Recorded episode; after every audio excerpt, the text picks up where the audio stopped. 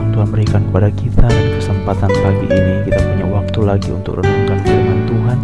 Dan mari kita akan membaca dua bagian dari kitab suci. Yang pertama dalam kitab ulangan pasal yang kelima Ayat 2 sampai ayat 4 Ulangan pasal yang kelima ayat yang kedua sampai yang keempat.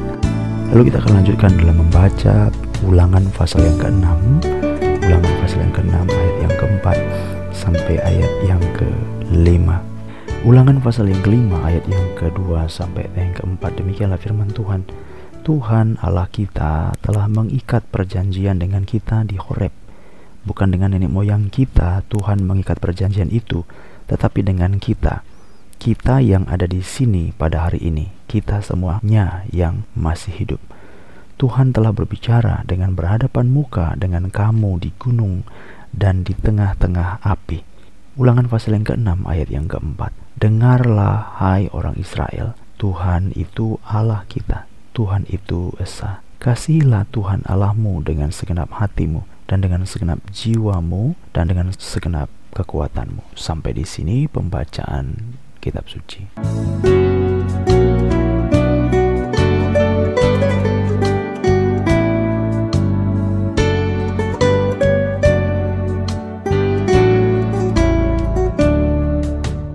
Umat-umat yang Tuhan kasihi, salah satu tema yang muncul dalam kitab ulangan adalah mengenai kasihilah Tuhan Allahmu. Ini merupakan rangkuman dari apa yang disebut dengan hukum Taurat. Jadi kita sudah membicarakan bahwa dalam kitab ulangan ada empat bagian. Yang pertama adalah perkataan-perkataan Musa. Yang kedua itu adalah mengenai hukum Taurat yang diulang lagi dari keluaran pasal yang ke-20. Diulang dalam ulangan pasal yang kelima. Dan kalau kita membaca, ini juga merupakan apa yang dikatakan Tuhan Yesus pada waktu Yesus ditanya dalam Matius pasal yang ke-22 ayat yang ke-36.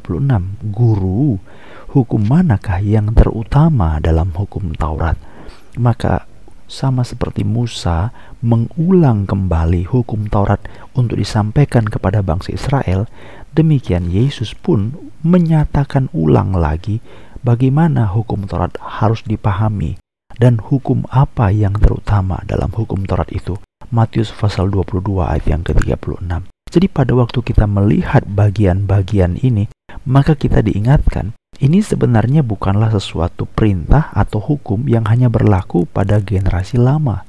Jadi kalau kita baca dalam ulangan pasal yang kelima tadi, ayat yang kedua, ayat yang ketiga, jelas sekali di sana dikatakan oleh Musa bahwa Allah Tuhan telah mengikat perjanjian dengan kita. Siapa kita? Ini bicara tahun yang ke-40, generasi kedua. Tetapi walaupun yang menerima atau berhadapan dalam peristiwa itu, yang hadir dalam peristiwa itu, itu adalah generasi pertama. Tetapi pada generasi kedua ini tetap firman atau hukum Taurat itu sampai kepada kamu dan perjanjian itu diikat dengan kamu pasal yang kelima ayat yang ketiga bahkan disebutkan bukan dengan nenek moyang kita Tuhan mengikat perjanjian itu tetapi dengan kita kita yang ada di sini pada hari ini. Kita semuanya yang masih hidup kita. Jadi ini menekankan bahwa perjanjian Allah itu bukan perjanjian dengan orang mati.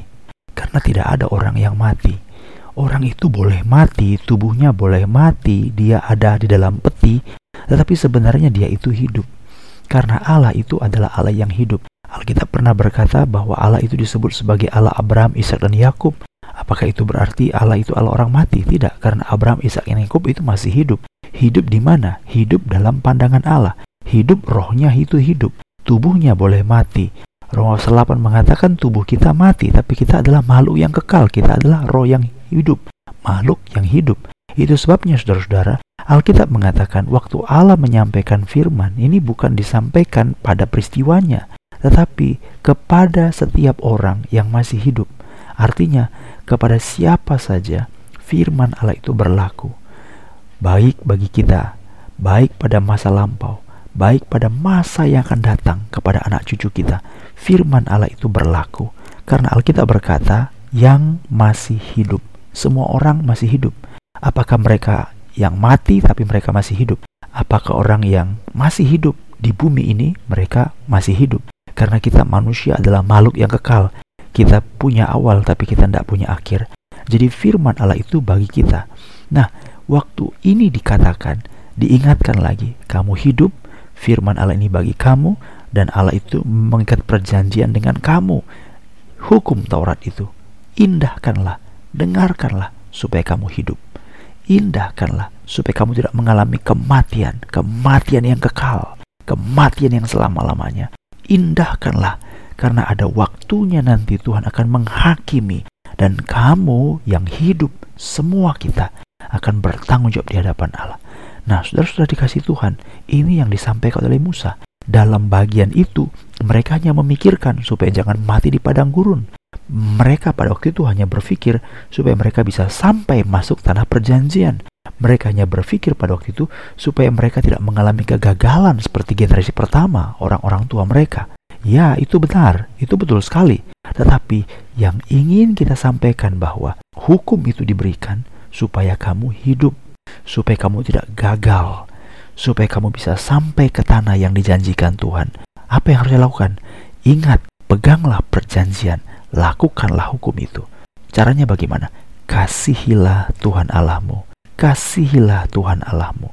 Pasal 6 ayat yang keempat. Tuhan itu esa, Kasihilah Tuhan Allahmu dengan segenap hatimu, dengan segenap jiwamu, dan dengan segenap kekuatanmu. Apa yang kuperintahkan harus kamu perhatikan. Jadi mengasihi Allah adalah bagian yang akan mengantarkan kita. Supaya apa? Tidak mengalami kegagalan. Mengasihi Allah adalah bagian, adalah aspek yang mengantarkan kita. Supaya apa? Supaya kita tidak mengalami kematian. Mengasihi Tuhan adalah aspek yang mengantarkan kita. Mengantarkan ke mana? Ke tanah perjanjian. Apa yang membuat generasi pertama gagal? Karena mereka tidak mengasihi Tuhan dengan segenap hati. Tidak mengasihi Tuhan dengan segenap jiwa. Tidak mengasihi Tuhan dengan segenap kekuatan. Inilah yang disebut dengan sari daripada hukum Taurat yang dicatat dalam Matius pasal yang ke-22. Matius pasal 22 ayat 36, Guru, hukum manakah yang terutama dalam hukum Taurat? Ayat yang ke-37 Matius pasal 22 jawab Yesus kepadanya, Kasihilah Tuhan Allahmu dengan segenap hatimu, berarti sepenuhnya, sebulatnya, seutuhnya, dan kasihilah Tuhan Allahmu dengan segenap jiwamu dan dengan segenap akal budimu. Itulah hukum yang terutama terutama dan yang pertama. Jadi kegagalan bangsa ini kenapa mereka tidak sampai ke tanah perjanjian, tidak mengasihi Tuhan dengan segenap, dengan sepenuh. Kenapa mereka menjadi generasi yang mati di padang gurun? Karena tidak mengasihi Tuhan dengan segenap, segenap hati, segenap jiwa, segenap akal budi.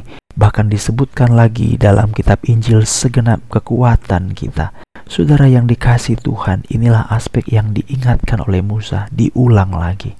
Maukah engkau sampai ke tanah perjanjian itu?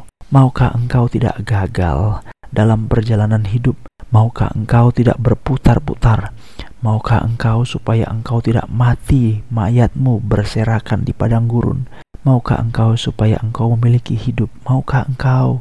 Maka diulang lagi, kasihilah Tuhan Allahmu dengan segenap hatimu dengan segenap jiwamu, dengan segenap kekuatanmu, dengan segenap akal budimu. Ini merupakan bagian yang sangat penting. Saudara-saudara dikasih Tuhan ketika Smus Heidelberg mengatakan bagaimana perintah itu dapat dibagi, pertanyaan 93. Pertanyaan itu dapat dibagi menjadi dua bagian. Yang pertama itu mencakup empat perintah, kemudian mengajarkan bagaimana kita sebaiknya hubungan dengan Allah yang kedua mencakup empat perintah yang mengajarkan kita apa yang harus kita perbuat kepada sama kita. Dan dalam bagian ini, pertanyaan 113 mengatakan ini adalah kehendak Allah. Dalam perintah-perintah Allah itu, itu adalah kehendak Allah. Jadi pada waktu kita memikirkan tentang kitab ulangan, kita sebenarnya terus ditarik untuk apa? Untuk memikirkan kehendak Allah. Jadi sebenarnya ini bukan hanya sekedar memikirkan kepentingan kita supaya kita jangan mati, bukan hanya sekedar memikirkan kepentingan kita supaya kita tidak gagal, supaya kita tidak seperti generasi pertama yang berserakan di padang gurun, supaya kita bisa masuk tanah perjanjian tidak. Tetapi itu adalah kehendak Allah. Ini menarik sekali. Mengapa? Karena biasanya orang kalau mengatakan aku melaksanakan kehendak Allah, manusia itu melaksanakan kehendak Allah, maka dia merasa bahwa di mana kehendak bebas kita? Di mana kehendak manusia kita? Kita rasanya kehendak bebas kita dirampas. Kita rasanya kehendak kita itu hilang. Tetapi justru pada waktu kita melaksanakan kehendak Allah, di situlah kita mendapatkan kebebasan kita yang sejati. Karena waktu kita melaksanakan kehendak Allah, maka apa yang terjadi? Kita tidak mengalami kegagalan. Bukankah kita senang untuk tidak gagal? Pada waktu kita melaksanakan kehendak Allah, kita tidak mati berhamparan di padang gurun. Bukankah itu kebebasan yang kita idam-idamkan? Supaya saya tidak mati di tengah jalan, supaya saya tidak berhamparan di padang gurun, supaya saya sampai ke tanah yang dijanjikan Tuhan. Pada waktu kita laksanakan kehendak Allah, justru di situlah Allah memberikan kebebasan yang sejati kepada kita. Jadi tidak ada perbenturan atau tabrakan antara kehendak Allah dan kehendak bebas manusia. Tidak ada. Yang salah adalah cara kita memberi arti, mendefinisikan apa arti kebebasan manusia itu. Oleh sebab itu umat-umat yang dikasih Tuhan, Musa menyampaikan, Maukah engkau hidup? Maukah engkau tidak gagal? Maukah engkau tidak mati berserakan di padang gurun? Maukah engkau sampai ke tanah perjanjian itu? Ingat, Tuhan mengikat perjanjian dengan kamu yang masih hidup. Kasihilah Tuhan Allahmu dengan segenap hatimu, dengan segenap kekuatanmu, dengan segenap akal budimu.